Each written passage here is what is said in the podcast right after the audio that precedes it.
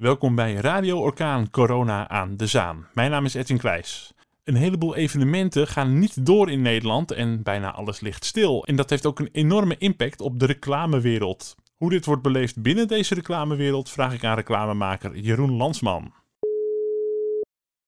Jeroen. Dag Jeroen, de reclamemarkt loopt terug momenteel. Valt er nog een lekkere boterham te verdienen voor jou?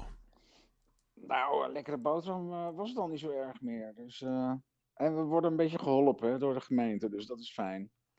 Ja, dus, dus uh, je hebt een regeling ja. aangevraagd bij Zaanstad voor de ondernemers? Ja, de TOZO, TONZO-regeling. Dat is een, ja, een soort bijstand die je dan krijgt. Hè. Dus die ja, hebben we, maken we gebruik van. En ja, andere inkomstenbronnen die we hadden zijn weggevallen ook. Ja, want je, bent, dus, je hebt een reclamebureau, de geheime dienst in Zaandijk. Um, ja.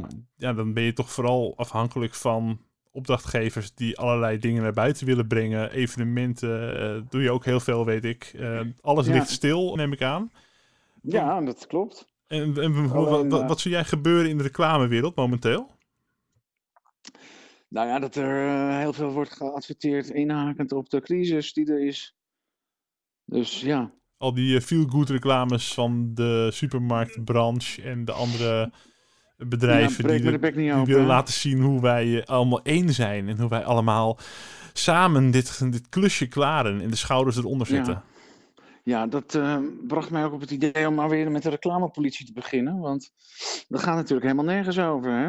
de reclamepolitie even uitleggen. Dat is een Facebookpagina die jij als een uh, soort, uh, ja, soort knipoog ja. hebt opgestart. Waarin jij je, je, ergernissen over reclames deelt. Dus uh, je bent niet alleen Precies. reclame maken, maar je kijkt ook met een cynische blik soms naar wat, een, wat voor dingen er nu ah, weer naar buiten komen. Kritisch, laten we het kritisch noemen. Hè? Een kritische blik. Want wat zijn jouw grootste ergernissen deze tijd?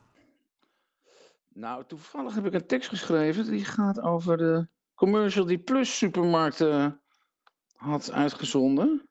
En ja, ik vond het echt zo niet kunnen.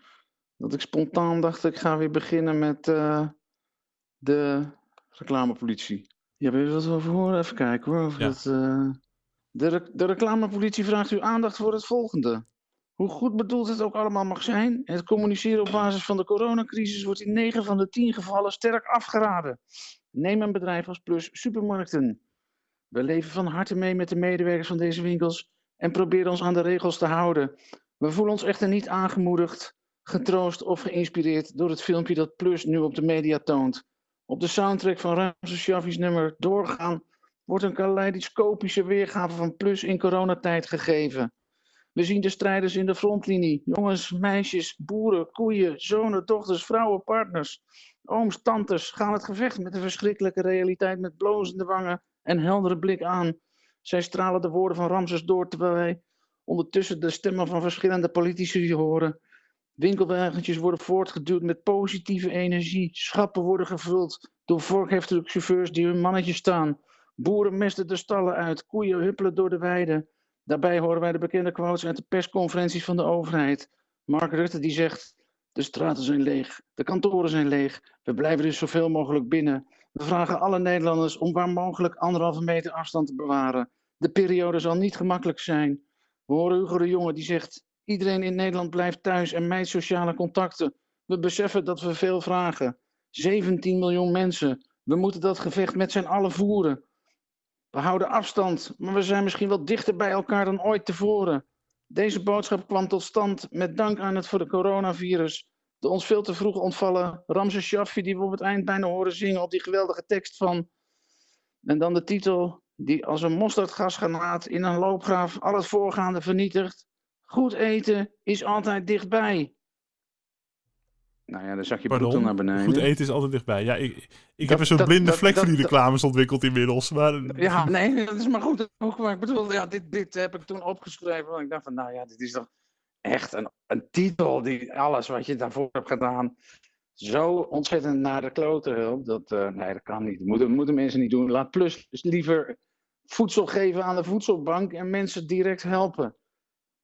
Ja. Lijkt mij veel zinniger dan dit uh, onzinnige gelul met die spotjes. En heel veel uh, supermarkten die leven ook uh, in de filialen weer de regels in, weer niet goed na. Zo kom ik in verschillende supermarkten ja. waar het personeel me tegen, bijna tegen me aanloopt of de, de weg verspert of, of de bepaalde afstanden niet in acht, in acht neemt. Dat is niet de plus toevallig, maar dat zijn wel heel veel verschillende supermarkten hier in de Zaanstreek. Ja, hebben.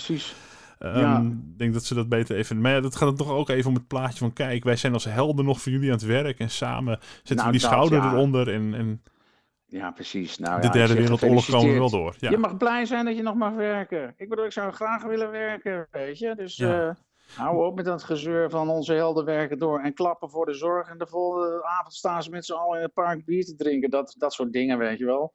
Ja. Ik bedoel, wij klappen hier thuis allemaal voor elkaar. En ook heel vaak voor onszelf gewoon. Applaus voor jezelf. Je hebt weer even een dag niks gedaan. Zodoende. Maar, maar goed, je bent uh, nu even in rust. Uh, je, je bent ook even aan het uh, bezinnen. Maar hoe erg is het nou eigenlijk met die reclamewereld gesteld? Gaan, gaan er mensen over de kop? Gaan er bedrijven over de kop? Nou ja, ik, ik, bedoel, ik heb natuurlijk geen zicht op wat er bij bedrijven gebeurt. Maar ik denk dat er wel heel veel reclamebureaus die flink in de moeilijkheden komen. Bedoel, wij zijn maar een creatieve unit. En ook voor deze tijd hebben we een mailing bedacht die we dus binnenkort de deur uit gaan doen.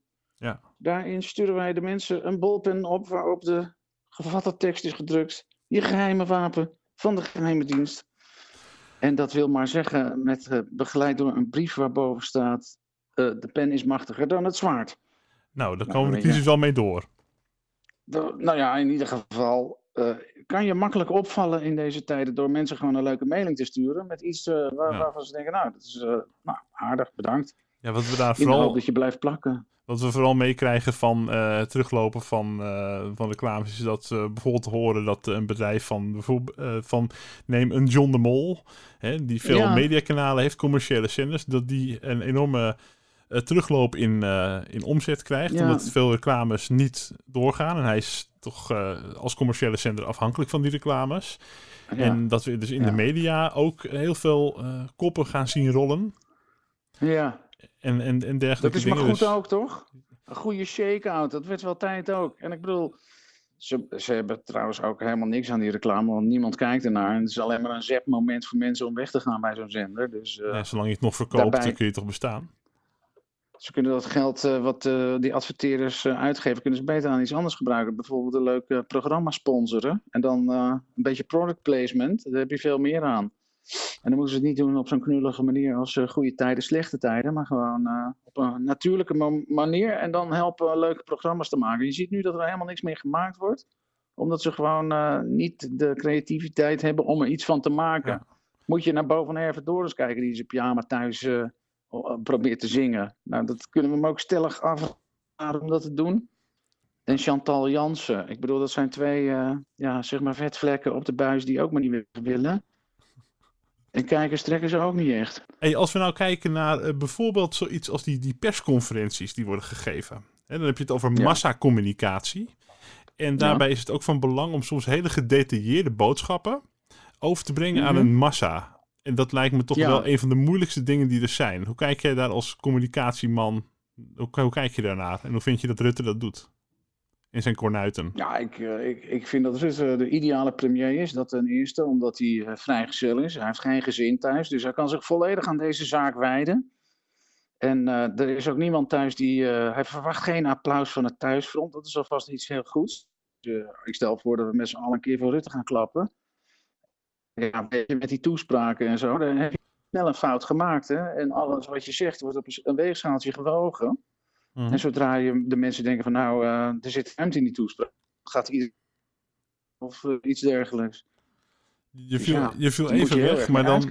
Ja, maar um, waar het op neerkomt is dus dat mensen uh, wel vaak de hoofdboodschap uh, horen, maar niet de details. heb je nog een advies hoe je dat dan toch kan overbrengen. Zoals bijvoorbeeld mensen die gaan nu wel met mensen afspreken vaak als ze denken, ja, we hebben allebei geen symptomen. Terwijl de details van de boodschap was, ja, je kan ook het virus bijdragen als je wel, uh, ook als je geen symptomen hebt. Dus, dus het is moeilijk om aan een massa zoiets over te brengen, zo, zo'n detail. Dat, ja, is ook zo. Nee, ik bedoel, je hebt snel het verkeerde gezegd, hè? Dat mensen ook uh, op de loop gaan met je toespraak. En zeggen van, ja, het is toch gezegd dat het kan. dus ja. ik ben blij dat ik dat niet hoef te doen. Nee, maar ik dacht, jij kan wel een beetje adviseren, want uh, de overheid heeft ook genoeg al uitgaven de laatste tijd gedaan. Uh, misschien kun jij een, een gratis adviesje nog. Uh... Mijn advies is om de lockdown zo snel mogelijk op te heffen. Omdat er nog steeds tijdens de griepgolf van drie jaar geleden vertelde een vriendin van mij die doktersassistent is. Vielen er meer slachtoffers dan nu met de coronacrisis. Dus dat ja, is waar. ik weet het niet. Maar toen waren Ik de IC's niet. overbelast natuurlijk. Dat klopt. Dat is wel een dingetje natuurlijk. Dus eh, ja, ik ben ook maar een amateur. Maar ja, mijn handen jeuken om weer het gewone leven op te pakken. Ja. Net als bij iedereen. En we zijn En ik, bedoel, uiteindelijk allemaal, me ook af van... eh, ja, allemaal amateur-viroloog zijn we tegenwoordig. 17 miljoen virologen, heet dat? Ja, hey, maar ja, ik, Ja. Ik, ik vraag bijna altijd aan iedereen van, eh, wat merk jij? Heb jij corona-patiënten in je omgeving? En ik hoor bijna nooit iemand die zegt van, ja, ik, ik ken er een paar. Dus ja, weet je, het is ook, eh, het zijn nog steeds onder de 7000 doden, zeg ik. Mhm. Zoiets, sta maar bij. En eh, ik weet dat als je bijvoorbeeld een auto introduceert in Nederland, een nieuw model, dat ding gaat pas opvallen in het straatbeeld als er meer dan 7500 rondrijden in Nederland. Dus eh, ja, het is eigenlijk een hele slechte dekkingsgraad, eh, die, die aantallen die de corona veroorzaakt. om er nou reclame voor te maken, dat lijkt me ook weer, ook weer niet eh, het goede. Om Hey, de ik- lockdown op te heffen? Nou ja, of voor, voor, de, voor, de, voor de reclame bedoel ik. Voor, voor, voor, voor het virus bedoel ik. Om daar de reclame voor te maken. Maar laat, laten, we, laten we ook blij zijn dat het eh, ja, relatief een meevalt. Ik, ik, ben geen, ik ben een amateur-viroloog, net als jij. Ja, nee, daarom, Maar- nemen we dat niet al te serieus. Eh, tenminste, ik neem dan eh, de, de echte virologen serieuzer. Maar ik, eh, ik ben toch ook Nee, maar eh, ik hou, me ook je. aan de, aan de, ik hou me ook aan de maatregelen hoor. Ik bedoel, eh, ik ben niet gek, maar Nee, dat ik is... denk dan wel van, de Zweden doen ze het anders. Hè? En, ja, ik Ja. bedoel, ze hebben het over een tweede golf en zo. Nou, ja. dat- nou, ik was dat ook reclame Ik- trouwens, golf? Of was dat een... de golf. Een auto die ik je sterk kan afraden. Oh, oké. Nou, Ja, Duitse auto's, keihard, veel te duur, zitten niet lekker, je stapt er gebroken uit. En ze sjoemelen met de diesel, dus dat weet je. lockdown of niet, jij bent, eh, ben- je bent, jij bent heerlijk op dreef. Dat vind ik eh, altijd eh, leuk om te horen. Ehm, Ja, jij maakt dat in me los, hè? Ja, heel, helemaal goed, helemaal goed. Hey zeg, ehm, nou ja, wat dat betreft, dat jij, jij eh, bent, staat dus op te popelen dat alles weer open gaat en weer eh, verder kan. Ehm, Ja. ja, ja, dankjewel Jeroen Landsman, zeg ik dan. Ja, Edwin Klein. En maak er het beste gedaan. van. Ik, ik eh, wens je veel sterkte met de lockdown. En eh, hoop dat je er eh, ongeschonden uitkomt. Dankjewel Precies. Jeroen. Hey, graag gedaan, man. Van de reclamepolitie en van, eh, dat, hè, dat is de Facebookpagina waar hij dus reclames op bespreekt. En van de geheime dienst.